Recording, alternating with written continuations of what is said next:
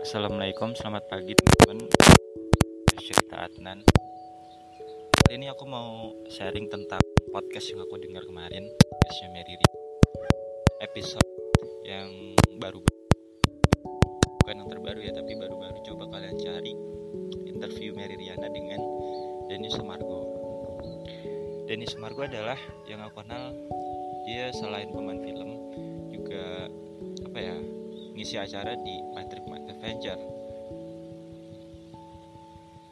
Ya, ternyata ada banyak hal yang belum aku tahu dari dia tentang masa kecilnya, masa remajanya sampai dia dewasa.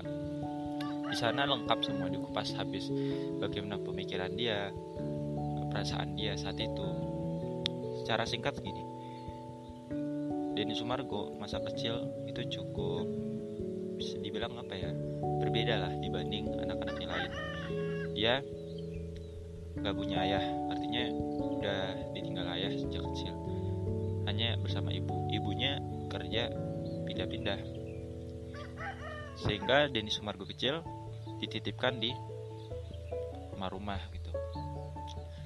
Sejak kecil dia udah bisa kerja artinya kerja kecil-kecilan lah seperti nyapu ngepel cuci piring. Sehingga udah terbiasa kerja pekerja keras lah dia beranjak remaja dia seperti kehilangan arah ketemu banyak orang yang baik yang jahat dan sebagainya.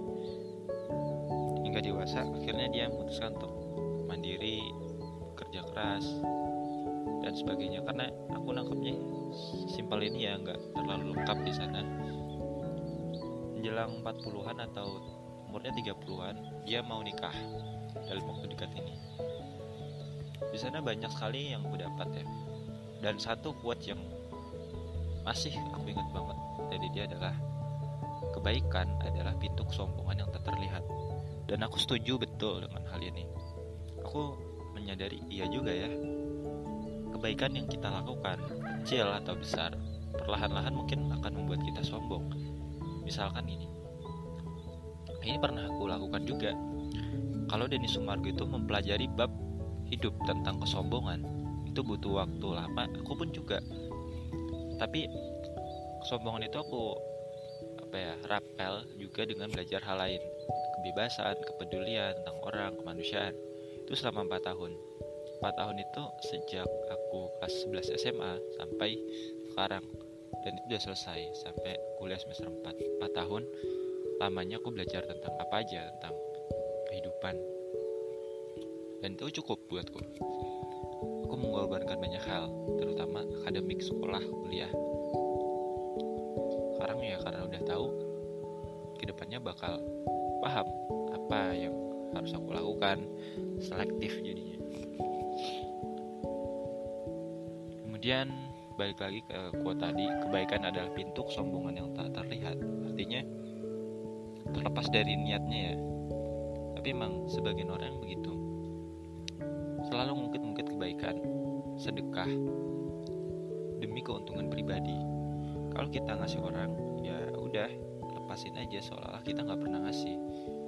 Kalau kita melakukan kebaikan, ya ya udah lupain gitu kalau kita pernah melakukan kebaikan. Tapi kalau tipikal kayak aku yang susah untuk lupa mau kebaikan mau kejahatan ya udah uh, akui kalau kamu memang melakukan kebaikan dan jangan cerita ke siapa-siapa kalau kamu udah melakukan kebaikan udah diam.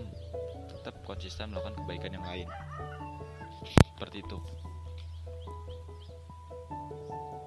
Aku juga nggak tahu ya kenapa orang yang berbuat baik cenderung di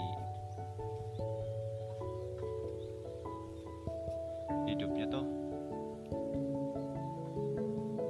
nanti aku lanjut lagi ya di part berikutnya. Semoga bermanfaat